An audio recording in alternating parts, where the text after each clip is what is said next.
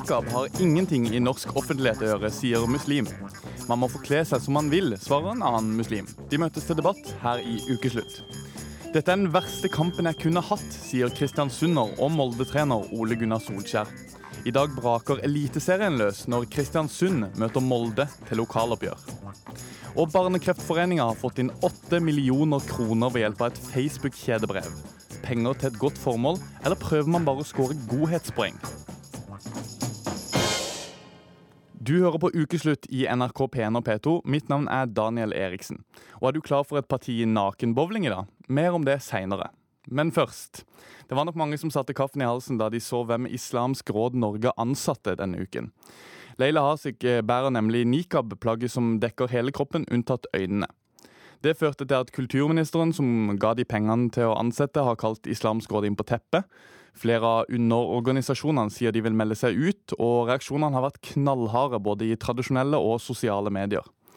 Her i Ukeslutt har vi fått besøk av to religiøse kvinner med helt ulike meninger om nikab. Asel Manucheri, generalsekretær i LIM, likestilling, integrering og mangfold. Også troende muslim. Eh, du mener ikke nikab har noe i islam å gjøre. Hvorfor det? Nei, Først og fremst så vil jeg takke for at vi blir invitert. Eh, det er viktig å få med de sekulære sine stemmer i dette. Uh, og så vil jeg begynne med å si at uh, Og det er litt for å ta det mellommenneskelige i det. Jeg, synes, jeg vil bare fordømme alle som går ut og går etter Leila som person. Det tar vi sterk avstand ifra. Dette er en ansettelse som er foregått på lovlig vis. Eh, så for min kritikk går til organisasjonen, og ikke til generalsekretæren, men organisasjonen som sådan som har utført denne ansettelsen. Men din mening om, mm. om nikab, og at det ikke har noe i islam å gjøre? Nei, altså nikab er en, eh, et verktøy som blir brukt i salafismen og wahhabismen, som er da en tolkning av Koranen. Ja, salafisme er et uttrykk jeg har hørt mye i det ja. siste. Kan vi bare kjapt ta hva det er for noe? Ja, i korte trekk så er salafisme den rene tolkninga av islam, altså den bokstavelige tolkninga. Eh, Konservativ tolkning? Den mest konservative konservative du kan få tak i. De tar avstand fra egentlig alle andre tolkninger og mener at disses tolkning er den riktige. Og du mener ikke det er, det er ikke en retning du eh, Det er ikke en retning vi ønsker i Norge, for det første. Og det er ikke en retning som er eh, forenlig med de verdiene vi har i Norge. Men hvor, hvor, hvordan mener du at nikab ikke har noen ting med, noen ting med islam å gjøre? Nei, fordi nikab kom, eh, plagget kom før islam. Eh, og det er ingen plasser i Koranen hvor dette er bestemt at en må gå med. Eh, så jeg tenker å bruke det som et religiøst plagg blir også å trekke det litt langt, syns jeg. Mariam Trine Skogen, du er vokst opp som kristen, men eh, konverterte til islam for eh, elleve år siden. Du mener nikab er et religiøst plagg som man må få lov til å bruke. Hvorfor det? Fordi det er det. Når man går i den teologiske forankringen og ser, så har vi fire lovskoler som regnes som tradisjonelle. Og det er eh, de som eh, Islamsk Råd Norge f.eks. Også alle imamer er forankret i en av de fire lovskolene i sunni-islam eller en shia-islam. Og det er ikke bare salafister som bruker nikab, det er mange andre. To av lovskolene mener at det er eh, kanskje til og med påbudt. Så dette er absolutt et religiøst plagg. Um, det brukes også selvfølgelig av andre religiøse. Det er ikke bare muslimer som bruker ansiktstildekning, det er ortodokse jøder og andre. Men dette er altså et plagg som, som dekker alt unntatt bare øynene. Er det, er, er det, ikke da litt spesielt og litt spesielt vanskelig å på en måte fungere i samfunnet når man bare, bare ser øynene? Ja, da må jeg bare si det kommer an på øyet som ser. Ja. for, for, oss norske som er vant til å vise ansikt og fungere på en annen måte, så opp, oppleves det veldig vanskelig. Um, Kunne du tenkt deg å ta på deg nikab noen gang? Eh, jeg har prøvd å gå med det noen måneder fordi jeg skriver, og jeg var interessert i å oppleve selv hvordan det føltes på innsiden av plagget, og hvilke reaksjoner jeg møtte i samfunnet. Hvordan var det? Eh, det var veldig tankevekkende. Um, jeg fikk mye større sympati med de søstrene som velger å bruke nikab, enn det jeg hadde hatt, fordi jeg så hvor vanskelig det var. Um, samtidig eh, ganske uforståelig, egentlig, så gir det en form for eufori rundt det å gjøre noe du tror på, og stå på det. Fordi eh, dette, dette en, Du ser på dette som en prøvelse, og derfor ja. er det bra? Noen mener at det er bra. Mm. Kom... Er du en av de? Eh, jeg bruker det jo ikke. Så min konklusjon er at det er ikke riktig måte å takle prøvelser for min del. Mm. Men jeg støtter 100 de søstrene som ønsker å bære nikab. Jeg ønsker å bryte ned um, så mye fordommer som folk har mot nikaben. fordi det, det, er jo det som gjør at vi går ut og har den politikken vi har, at det ligger veldig mye fordommer. Og i fordommer så mener jeg ikke bare negative tanker, men det er en forforståelse at dette er veldig vanskelig. Men de få som bruker det, når de selv har valgt det og opplever det ikke som et problem, deres største problem er å bli møtt med motstand og fordommer og kritikk. Uh, og ikke minst vold. Jeg har snakket med flere gode venninner som har opplevd uh, vold på åpen gate, uh, knivangrep, grupper med nynazister som har løpt etter dem. Og det er helt sikker på at, ja, at Esel ikke, ikke, mener at det skal gjøres på den måten der, men hvorfor er du uenig med den argumentasjonen? altså Min motstand mot nikab og burka for den saks skyld er ideen bak det. Det er liksom ikke plagg i seg sjøl. Eh, den baserer seg jo på et patriarkisk holdning om kvinner som mannens eiendom. Du skal dekke det til for å ikke vekke menns lyster. Noen har kanskje et bilde av at det høres sammen med islam. Det, det mener du ikke. Hvorfor ikke det? Kan du forklare det? At hva ikke hører sammen? Dette med, for dette plagget er jo, eh, er jo lagd for å tildekke. Mm. Eh, hvorfor henger ikke det sammen med islam? Kommer ikke det fra islam i det hele tatt? Jo, altså tildekning kommer jo fra islam. Det, vi, blir jo oppfordra til å dekke oss til for å ikke vekke menns lyster. Eh, og i det seg sjøl syns jo det er ganske kvinnediskriminerende. Vi snakker om at òg eh, menn skal dekke seg til. Men den dagen disse muslimske mennene begynner å dekke seg til, så skal jeg jo gledelig ta på meg en hijab eller en nikab. Men det, nå er det ikke sånn. Og den diskrimineringa der mot kvinner, den syns jeg er feil. For det første så må jeg si at jeg har hørt det argumentet hennes før, at det står i, uh, i, Koranen at man skal dekke seg til for menns lyster. Det er helt feil. Jeg har med en koran i dag som jeg tenkte å gi henne, fordi hun trenger å lese den på nytt. Det er helt feil. Hijab er en form for ærbarhetsoppførsel. Den begynner på innsiden. Klærne på utsiden er bare en forlengelse av en måte å være på i handling, ord og gjerninger. Men nå snakker vi om nå, nikab hvor vi dekker hele kroppen, ikke, ikke, hijab. For hijab har vi også en EU-dom på at Hijab betyr egentlig en tilbaketrukket måte å være på.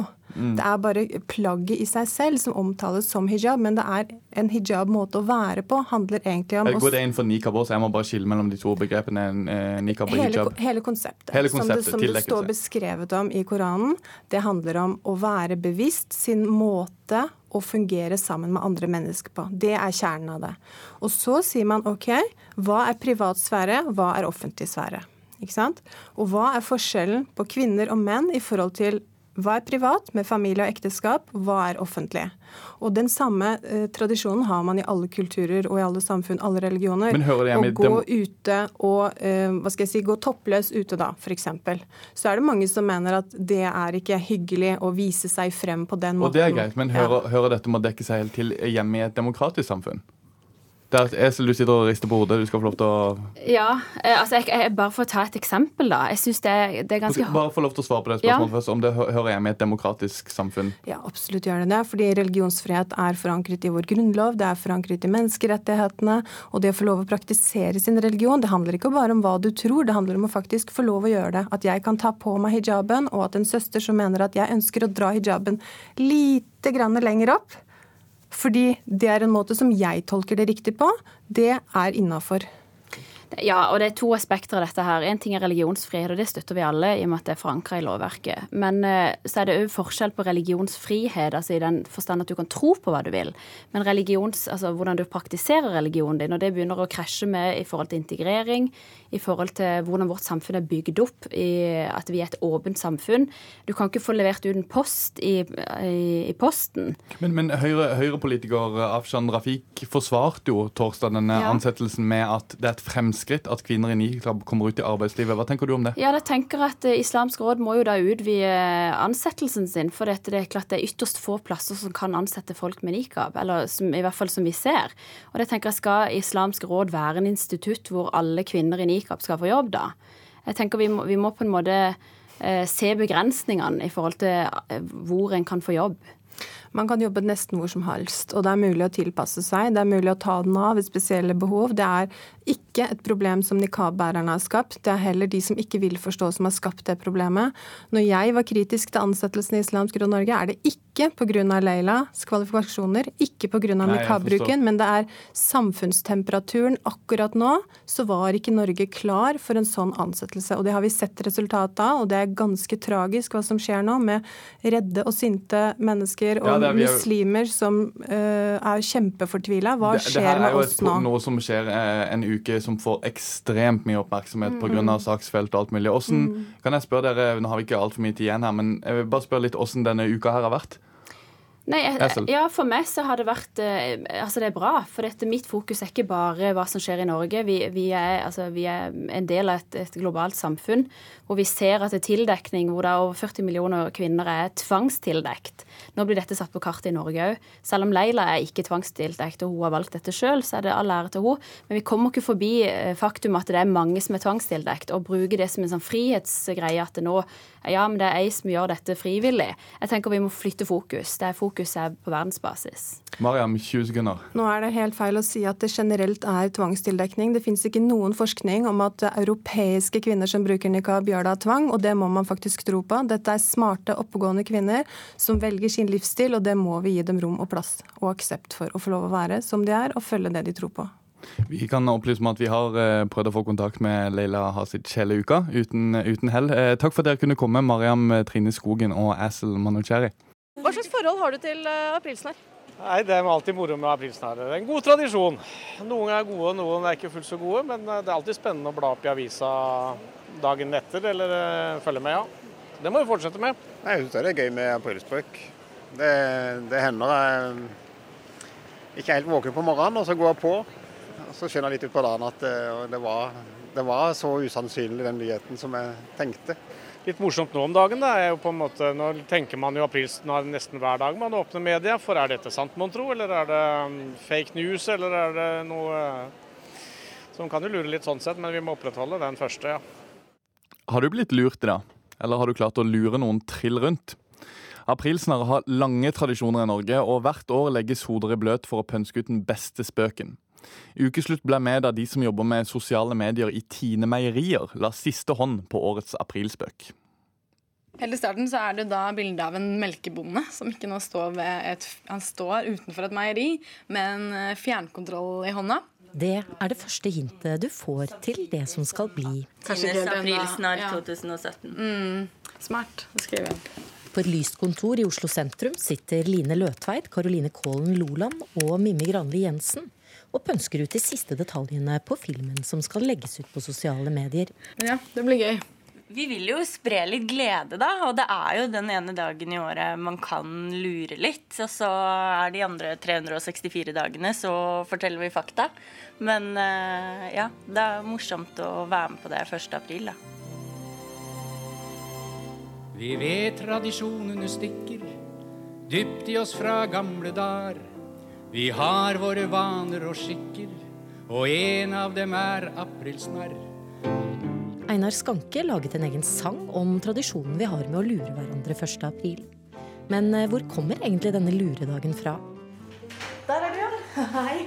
Line Esborg er førsteamanuensis i kulturhistorie på Universitetet i Oslo og i gang med å samle inn folks første aprilhistorier for ettertiden. Så her eksempel, Det er en livshistorie skrevet av en kvinne i Oslo som er født 1903. og Hun forteller at vi gledet oss veldig til 1. april. Vi narret folk, og så skrek vi 'Frøken, de har mistet noe' aprilsnarr i gamle dager som ingen tanker har. Altså Det med å lure hverandre og drive med humor er jo en menneskelig trang, vil jeg si. Eh, og når man fører det tilbake til det gamle rom, f.eks., Eh, så tenker man jo på de gamle karnevalsfestene hvor eh, i samfunnet hvor det var strengere hierarki. Altså større forskjell mellom høy og lav, f.eks. Og at på utvalgte tidspunkt som karnevalsfesten, eh, så var det lov å drive gjøn med f.eks. øvrigheten. At folk flest kunne da Eh, drive gjøn med øvrigheten, eller at man kunne bytte på roller og forventninger. Altså i nærmere vår tid så kunne man jo more seg med at f.eks. kvinner kunne kle seg i mannsklær. I nyere tid har mediene prøvd å overgå hverandre med mer eller mindre vellykkede aprilspøker. Og her hjemme har regjeringen bestemt at hjemmebrenning til eget forbruk skal bli tillatt som en prøveordning. Den kanskje mest berømte? Aftenpostens klassiker fra 1. april 1950. Det dreier seg om store partier rødvin, som vil bli solgt 75% under listeprisen, blir det opplyst til Aftenposten. En fulltreffer som fikk folk til å gå mann av huset og stille seg i kø utenfor Vinmonopolet med bøtter og tomflasker. Altså, tidene forandrer seg, og med det måten å eh, å spøke på. Denne vinmonopolspøken fra 1950, så var det kanskje mer eh, attraktivt. Eh, altså ikke det at vin har gått av moten, men at med dårligere tider, altså folk hadde mindre ressurser. Og derfor var det en større sak å kunne komme med en bøtte, eller tanken på å komme med en bøtte og fylle den. Så det er klart at man kan se 1. april som et speilbilde av hva vi er opptatt av til enhver tid. Og også mediesakene. Altså hva, hva er man mest opptatt av? Regjeringa har vedtatt at det skal innføres en ekstra arbeidsdag her i landet for å tilføre staten mer penger etter det sterke fallet i oljeprisene i det siste. Men, men kjære dem, konservator. Men, men det er jo umulig men vi har kanskje blitt litt mindre naive og lettlurte med årene. Det spørs om vi i dag hadde latt oss lure av denne fra 1. april 1940, da NRK sendte direkte fra klekking av dinosauregg på Paleontologisk museum i Oslo. Se der! Se der! Det revner! Fast! Det revner! Der revner det! Fast! Fast! Legg kom unna nå, da! Unnskyld at jeg har lyst til å narre litt. Ja, jeg vet at det ikke er pent. Men nå er den kanskje i boks, da? Ja. Mm. Bra. Perfekt. Mm. Tilbake på Tine-kontoret har Line Løtveit klippet Aprilsnarr-filmen ferdig. I all slags vær, fra de trangeste fjorder, dypeste daler til de høyeste fjell ser man at det flyr eh, masse droner fra Tine-meieriet utover, og at en drone holder en gytt i hånda.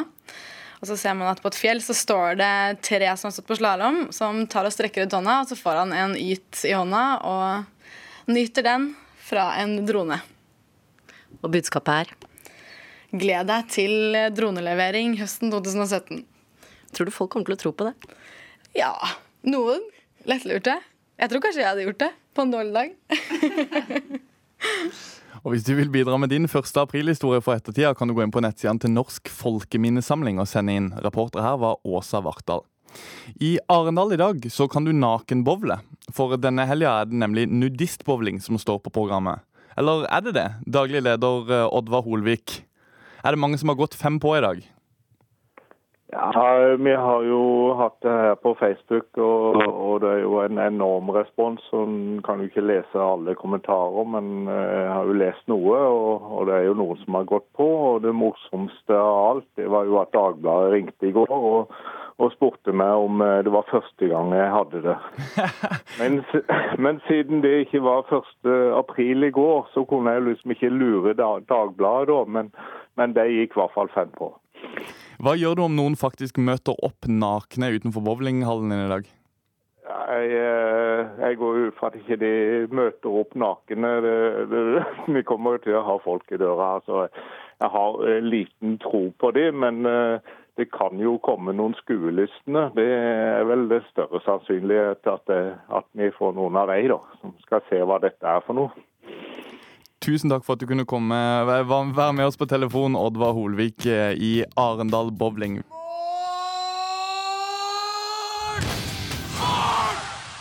Denne lyden kan være både det beste og det verste en fotballfan kan høre, men det er uansett lyden av at Eliteserien er i gang. Om få timer møter nyopprykka Kristiansund storbror Molde. Og i Kristiansund vil de ikke engang snakke om tap.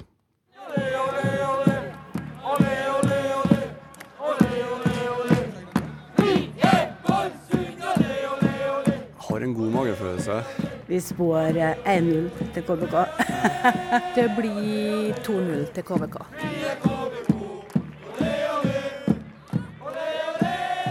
Og Molde, jeg vet hva Molde betyr for oss. Det er jo kanskje et hatoppgjør, det her. Tenker tilbake, så har vi slått Molde flere ganger. Har det smakt ekstra godt mot seier fordi det er Molde? Ja, så klart. det kan ikke underslå det. Men du snakker ikke om tap her? Nei, nei. Vi snakker aldri om tap.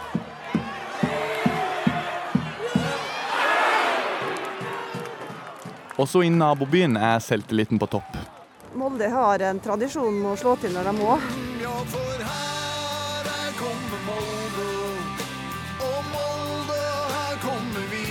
Molde bør viser det at de er, er sjefen, da. Det er jo sånn med sånn uh, skrekkblanda fryd vi går inn, for det er jo, vi må jo vinne. Erfaring eh, knuser jo nyfikenhet, så jeg tipper starten på kampen 1-0 til Kristiansund, sånn at de får juble fritt på sin første eliteseriekamp. Og så ender det 3-1 til Molde.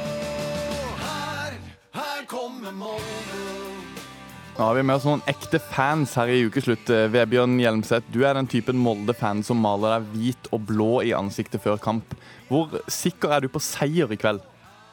Kan vi si 99,9% Det er lov å si 99,9. Rune Edøy, du er lokalpatriotisk kommentator som pleier å gi alt under kampene. Hva, hva gjør du? Hvordan, hva er det som skjer hvis Kristiansund faktisk vinner i dag?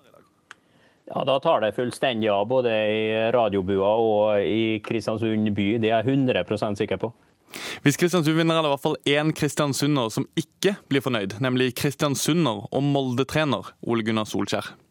Det er kjedelig å ødelegge den eh, festdagen de håper på at det blir. Men eh, så det, det, jeg må bare si at det er den verste opp, eh, eller kampen det kunne vært for meg. For eh, hvis vi ikke vinner, så er det vi skal slå eh, nyopprykka lag. Og hvis vi, hvis vi, slår KBK, så har ikke de fått den starten jeg ønska at de skulle få. Så det, den der var, den tror jeg ikke er tilfeldig at eh, forbundet satte opp, altså. Men hvordan blir det? Hjerte, hjerne, hva blir mest dominerende hos Ole Gunnar? Nei, det er alltid, alltid hjernen eh, som dominerer til meg. Men så er det sånn at oppå der, den gamle KFK-banen, det skal jo være borteseiere. Jeg vokste opp jeg er Kleisnenga-gutta, vet du, så jeg er vant til at, blir, at vi jubler når det er borteseiere der. Men Hvordan blir det for en kristiansunder å komme hjem etter å ha leda Molde-laget sitt til seier over Kristiansund? Det blir tøft å gå på gata i Kristiansund da? Nei, Det gleder jeg meg til. Det blir mye tøffere hvis vi ikke vinner, det skal jeg fortelle deg. For det får nå et og annet stikke nå, vet du. Men uh, hvis, vi, uh, vi, hvis, vi, vinner, uh, når vi vinner, så skal vi gå med heva hode. Men jeg hoverer aldri. Det gjør jeg aldri. Kan likevel kristiansunderen Ole Gunnar glede seg litt på Kristiansunds vegne, om det skulle gå andre veien? Det kan jeg ikke. Jeg er såpass dårlig taper at det går ikke. Får håpe at det blir et antiklima for kristiansundere, dessverre. Sorry, folks. Det var reporter Gunnar Sandvik som traff Ole Gunnar Solskjær. Her hørte vi en kjent stemme fra deg, Rune Edøy. Du er lokalpatriotisk kommentator for Tidens Krav. Du har jobba med sport siden året før Ole Gunnar Solskjær ble solgt til Manchester United, altså i 1995. Hvilken rolle har han i det her? Blir det så følelsesladd som han sier? Ja, jeg tror nok at, eh, at Ole Gunnar trener Molde. Det, det er jo selvfølgelig et stort poeng, og et journalistisk poeng, ikke minst. Men for alle de som ser den kampen eh, på eh, lørdag, og alle de som er til stede på stadion, så tror jeg eh, Ole Gunnar er en litt sånn underordna rolle. Det er Molde de skal spille mot, det er ikke Ole Gunnar. Det er Molde, og det å slå Molde, det er det det handler om. Det er det det handler om, og for Vebjørn Hjelmseth handler det om å slå Kristiansund ballklubb. Men først av alt, jeg vet at du har en kone som skal føde om ikke så lenge. Får du sett kampen? Jeg håper for med kampen. Eh, vi skal til, på sykehuset og sjekke oss eh, nå. Og håper vi får med kampen. Eh, I verste fall så blir det å se live på mobiltelefonen. Det tviler jeg på at de får lov til, men jeg håper for guds skyld at vi klarer å utsette fødselen noen timer, så vi får med oss kampen. For det, det her er viktig start på sesongen. Og du er helt sikker på seier, eller litt nervøs og blir slått av lillebror?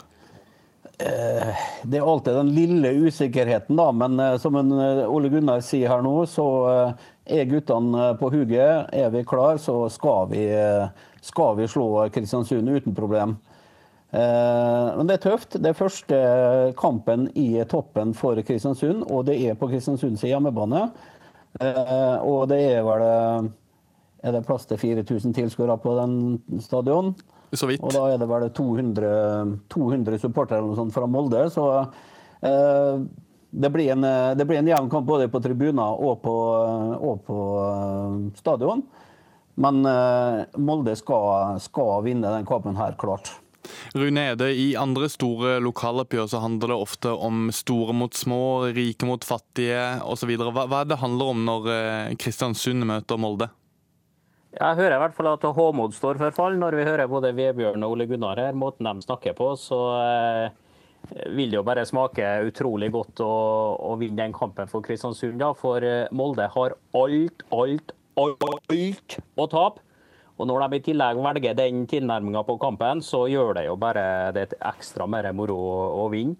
Og Kristiansund lever veldig godt hvis de taper. De vet at Molde er favoritter. Men isolert sett i den kampen er det 50-50. Den entusiasmen som Kristiansund tar med seg ut når de kommer der og blir møtt med 4000 tilskuere. Jeg tror Molde, hvis de ikke, hvis de ikke altså de kan, hvis de ikke er forberedt på det, så blir de blåst av banen. Og jeg vet at Ole Gunnar er kjempeflink til å forberede dem på det som kommer. Det er cupfinale ganger ti for Kristiansund, og det må Molde være forberedt på. Hvis ikke så taper de. Men Vebjørn Hjelmeset, er du, litt, er du litt oppe som en løve her? Nei, altså, det er som sagt, Nå er vi jo kommet til fotballfylket Møre og Romsdal. Vi har tre lag i Eliteserien i Møre og Romsdal. Og Molde vi er å bli storebror. Så det er så deilig å starte sesongen med tolv poeng. Seks fra Kristiansund og seks fra Ålesund. Så uh, Hva tenker du om det, Rune? Er det, er det så Molde... enkle poeng som han sier? Jeg hører bare at Håmod står for fall, og det er jo musikk i alle ører for den som håper og kanskje tror at Kristiansund vinner. Jeg vil gjerne spørre dere to hvordan det blir å gå på jobb på mandag med litt forskjellige utfall. Vi begynner med deg, Vebjørn Hjelmseth. Hvordan blir det å gå på jobb eh, hvis Kristiansund slår Molde? Oh, det blir helt forferdelig. Eh, jeg jobber jo i et firma som har kontor både i Molde og i Kristiansund, så eh, kommer dere til å få høre det ganske kraftig eh, hvis i verste fall den 0,01 skulle slå til og at Kristiansund vinner. Eh, det blir tungt, men uh, som sagt, Kristiansund skal gjennom 30 cupfinaler nå i 2017, så de har jo egentlig allerede vunnet bare ved å kvalifisere seg for Eliteserien. Uh, de skal være glad hvis de beholder plassen i Eliteserien. Jeg tipper dem på kvalik. Rune Edøy, vil du ha en replikk?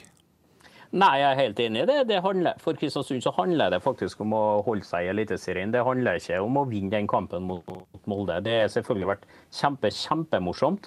Men eh, de lever nok eh, godt med det tapet der, eh, hvis de bare klarer å, å reise seg nokså fort. Og enig med Vebjørn i det at eh, kvalik tror jeg er et eh, greit tips. Ole Gunnar tipper 10 12, andre tipper dem på 15.-plass. Men faktisk ingen, jeg har ikke sett noen som tipper dem nederst, så det skal de ta med seg. Men du har jo tippa de litt ned. For, Kristiansund har lange fotballtradisjoner, men, men, akkurat denne klubben, KBK, ble stifta i 2003. Og de gikk hardt ut og sa de ville til Eliteserien, men du var en av de som sa det kom til å stoppe i førstedivisjon. Hvordan føles det nå? Ja, det, det, var jo en bom, da. Sa jo det både i starten og etter noen år. Og, og den gangen så virka det veldig sånn Uh, umulig å nå opp de, til de store klubbene. De, det var sånn enorm forskjell på pengebruken at, uh, jeg, jeg, klarte egentlig ikke å se for meg nei, at Kristiansund skulle komme opp på det nivået. Men heldigvis for Kristiansund og for mange andre klubber som er i tilsvarende situasjon, så har eh, pengebruken i norsk fotball skrumpa inn. Selv om Rosenborg i, i, år bruker mer De bruker 160 millioner, Kristiansund bruker 40, eh, Molde bruker ca. 100. Så, så, klart at Kristiansund er en lillebror, men spranget opp til de klubbene som er fra 10 til 16, det er faktisk ikke så stort. Og en klubb som Stabæk de bruker mindre penger enn Kristiansund i år. så så, så, det er faktisk mulig. Det, det er litt av sjarmen med norsk fotball at det er mulig uten å ha en bokstavelig talt rik onkel i ryggen som Molde har. Men Molde har altså større budsjett, mer kjente og kanskje til og med bedre spillere, pluss en Manchester United-legende som trener. Har Kristiansund noen sjanse i kveld i det hele tatt, Hjelmseth? Nei. Eh, hvis du må tippe, så blir det 4-1 til Molde. Eh, Kristiansund får et trøstemål på overtid i andre, andre omgang. Rune Edøy, resultat i kveld? 1-1. Da sier vi takk til dere, Rune Edøy, kommentator i Tidens Krav, og Vebjørn Hjelmseth, Molde-fan på sin hals. Du hører på Ukeslutt i NRK P1 og P2. Fortsett med det, da. Jeg har bare minnene igjen, sier tyrkisk offiser som har fått asyl i Norge. Vi møtte mennene som tyrkiske myndigheter mener er kuppmakere. Et kjedebrev på Facebook har gitt Barnekreftforeningen 8 millioner kroner, men ikke alle jubler. Jeg skjønner at folk blir irritert, sier sosiale medier-ekspert Cecilie Staude. På hemmelig adresse i Norge lever fire tyrkere som gjemmer seg for president Erdogan. De har fått asyl i Norge etter det mislykka kuppforsøket i Tyrkia i fjor sommer. Reporter Sigurd Øygarden Fleten møtte offiserene, som frykter at de blir torturert om de drar hjem til Tyrkia. I over 40 years old, so I lost that life. Jeg er over 40 år. Jeg har mistet det livet, og har bare minnene igjen. Vi er på et møterom i et lite advokatkontor i Stavanger. Foran meg sitter fire tyrkiske menn på rundt 40. De er kledd i allværsjakker og olabukser, og det er lite som vitner om at de har vært høyt rangerte offiserer i det tyrkiske militæret. So I was one of those uh, and uh, Jeg var en offiser med høy kompetanse og hadde suksess. Jeg var stabsoffiser, som utgjør 2-3% av tyrkiske militære. Jeg var populær i landet mitt og respektert av folk. Men så, 15. juli i fjor, ble alt snudd på hodet. Representanter for det tyrkiske militæret hevder at de har kuppa makta i Tyrkia, melder Reuters. Deler av militæret forsøkte å ta makten i landet i natt, men ble slått tilbake av myndighetene. Nyhetssendingene fra Tyrkia viste soldater som blokkerte broer og okkuperte TV-stasjoner, mens vanlige folk strømmet til gatene. Noen stilte seg opp foran tanks, og tyrkiske flagg vaiet. Kuppforsøket der deler av Tyrkias militære forsøkte å velte regjeringen, ble slått ned. Shocked. I was in a shock. So I, I tried the whole night to understand what's going on in Turkey. And Da kuppet skjedde, var offiserene utplassert på Natos hovedkvarter på Jåttå i Stavanger. Og i månedene etterpå ble tusenvis av militære og offentlige ansatte arrestert, beskyldt for å ha deltatt. Etter hvert kom beskjeden om at de var sparket fra Forsvaret og måtte komme hjem. Det turte de ikke. And we videos, we saw pictures, and we talked to our friends that Vi så videoer og bilder og snakket med venner, og fikk vite at en del ble torturert. Så ja, jeg er redd for å bli torturert, og at det skal skje med kona mi også. Ifølge Amnesty International finnes det troverdige vitnesbyrd om soldater som har blitt slått, torturert og voldtatt. Så offiserene ble i Norge. Men ventetiden var vanskelig. it was a very, very hard period. Det var en veldig tøff periode i sju-åtte måneder. Det var som å være i fengsel i sitt eget hode. Jeg hadde mistet alt og hadde så mange spørsmål. I forrige uke ble det kjent at offiserene får asyl i Norge. Cried, actually. Da vi hørte om avgjørelsen, trodde vi ikke våre egne ører. Vi gråt og så på barna våre og var glade. Men den avgjørelsen falt ikke i god jord hos tyrkiske myndigheter, og kraftsalvene kom fra høyeste hold. På en TV-opptreden sier Tyrkias visestatsminister at hvis det hadde vært kupp i Norge og Tyrkia tok imot kuppmakere, ville Norge reagert på samme måte. Selv sier offiserene at de ikke har noe med kuppet å gjøre. I didn't hear anything from any of my relatives Etter at dette skjedde, har jeg ikke hørt noe fra slektningene mine. De er redde for å ringe meg. Kanskje de tror jeg er en forræder eller terrorist. There are lots of news about us in Turkey. I det siste har offiserene sett på nyhetene at de har blitt kalt forrædere og spioner. Nå håper de at det ikke gjør at familie i Tyrkia blir utsatt for fare. Vi lærer norsk. Lærer du også norsk? Litt norsk. Nå skal de bygge opp et liv i Norge, og først ut er norskkurs. Uh, our children are going to Norwegian schools. Yeah, we will turn back to the Norway normal life. I hope. Reporter her var Sigurd Øygarden Fleten. Tyrkia-ekspert Siri Nese, du er forsker ved Christian Michelsens institutt. og Hvor spesiell er denne saken? Altså nå, nå er det jo ikke bare i Norge at dette har eh, oppstått, dette problemet. Men jeg tror Norge er den første mm, nasjonen til å innvilge asyl. Til å, å, å behandle saken ferdig. Eh, Når det er sagt, så, eh, så må jo Norge eh, følge norsk lov og norsk eh, asylpraksis.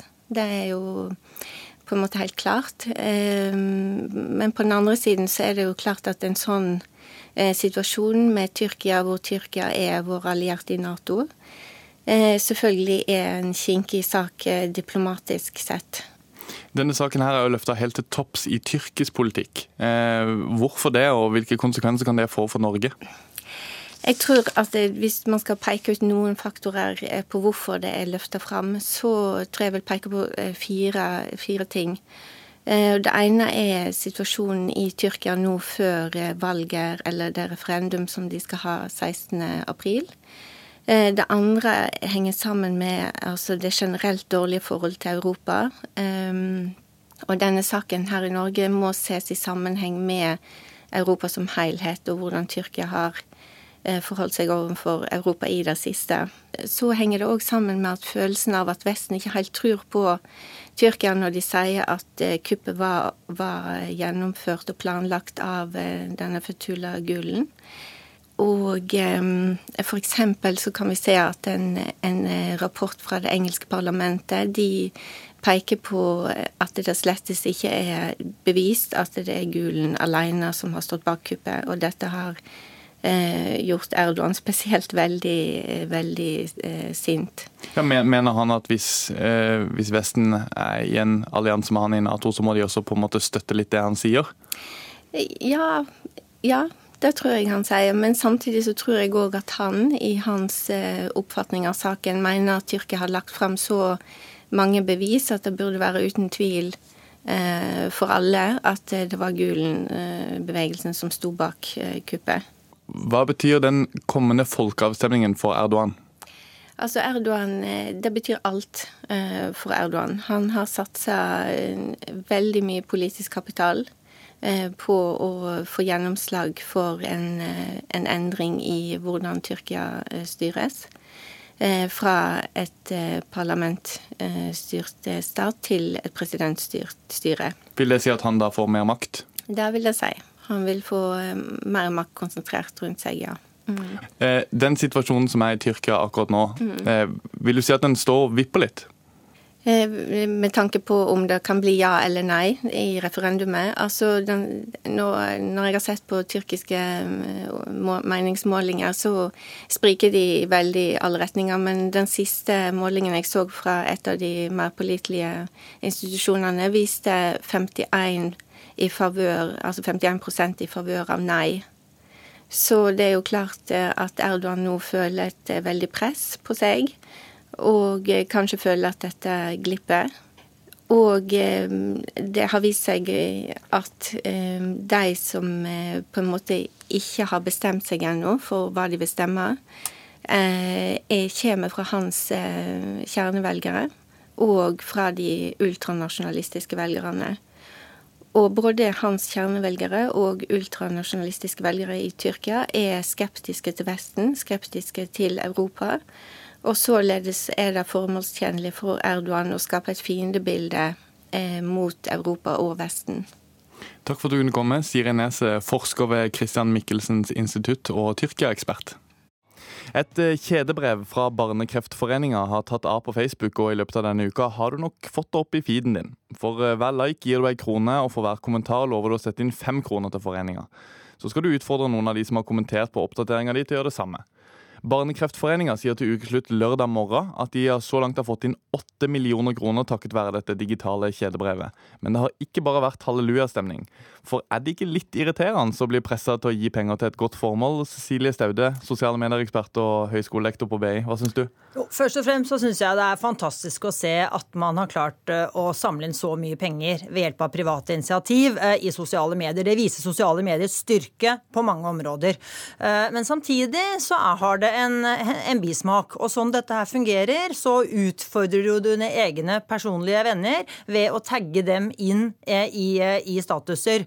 Eh, og det gjør det jo mulig for alle egentlig å følge med på hvem som utfordres, hvem som tar utfordringen, hvem som betaler, og hvem som ikke gjør det. Man holder eh, score, rett og slett. Ja, ikke sant? Og det er jo noe som noe, noen kan oppleve uh, ubehagelig, og at man blir på et vis presset inn i en situasjon uh, der man gir penger til et sånt, et sånt litt sånn tilfeldig valgt uh, tema. Um, og, og, det tenker jeg at kan jo også bidra til at um, andre og kanskje viktigere uh, prosjekter ikke får de pengene uh, som man skal, fordi man føler at man har gitt fordi man nærmest ble pressa til det. Beate Sørum, du er foredragsholder og rådgiver for frivillige organisasjoner. Har du vært med å bringe kjedebrev videre? Jeg har ikke blitt utfordra ennå, men eh, jeg hadde kommet til å ta utfordringa hvis jeg fikk den. Ja, Hva syns du om sånne sånn som det? Du har jo tidligere jobbet, du har bakgrunn fra Kreftforeninga, har jobba med Hopp i havet og Ice Bucket Challenge og sånn. Hvilke erfaringer har du med sånne type markedsføringsgreier? Så tenker jeg Det viktigste, eh, eller det er viktig å understreke her at eh, verken det her kjedebrevet eller Hopp i havet eller Ice Bucket Challenge var eh, tiltak som kom fra organisasjonene. Det var tiltak som oppsto i de engasjerte støttegruppene eh, som har lyst til å gjøre noe for et formål som de bryr seg sterkt om.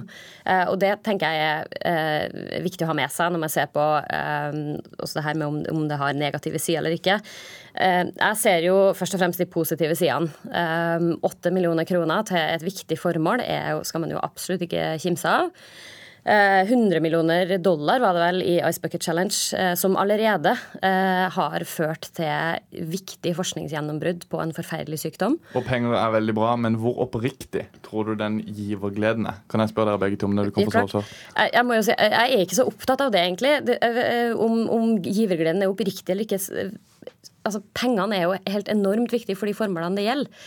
Og, men, men det jeg ser av dem som deltar, er jo at det er en glede over å få lov til å være med og engasjere seg og få lov til å gi. Eh, Det, den viktigste årsaken til at folk ikke gir, er ofte at de ikke blir spurt. Og i det her eh, kjedebrevet så blir de faktisk spurt og får en mulighet til å være med og engasjere seg for et eh, godt formål. Ja, Cecilie Staude, kan man ikke bare sette over penger? Må man skryte av det i sosiale medier også?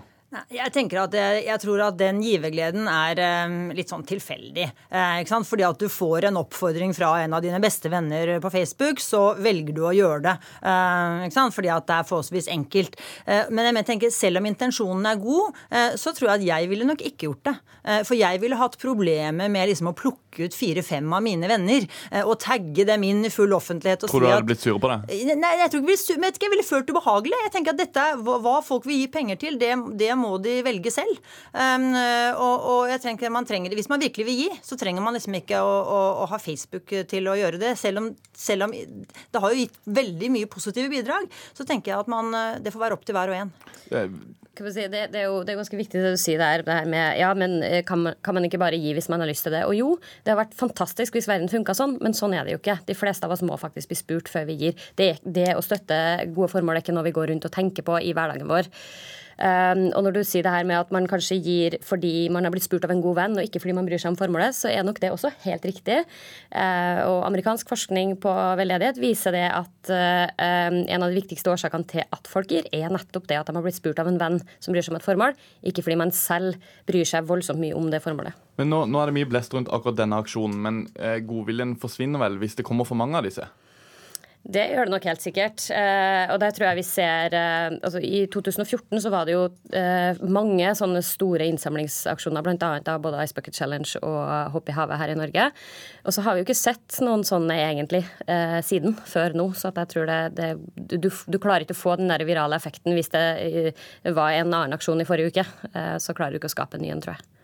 Staude, er dette enda bedre enn reklame for Barnekreftforeningen og Jeg tenker at det, det, det gir jo en mulighet for eh, den som har lyst til å hjelpe, eh, til å gjøre det på, på, på veldig enkle måter. Og det at vi nå i dag kan organisere oss uten at vi nødvendigvis må eh, ha organisasjoner i ryggen, det er jo egentlig en fantastisk mulighet.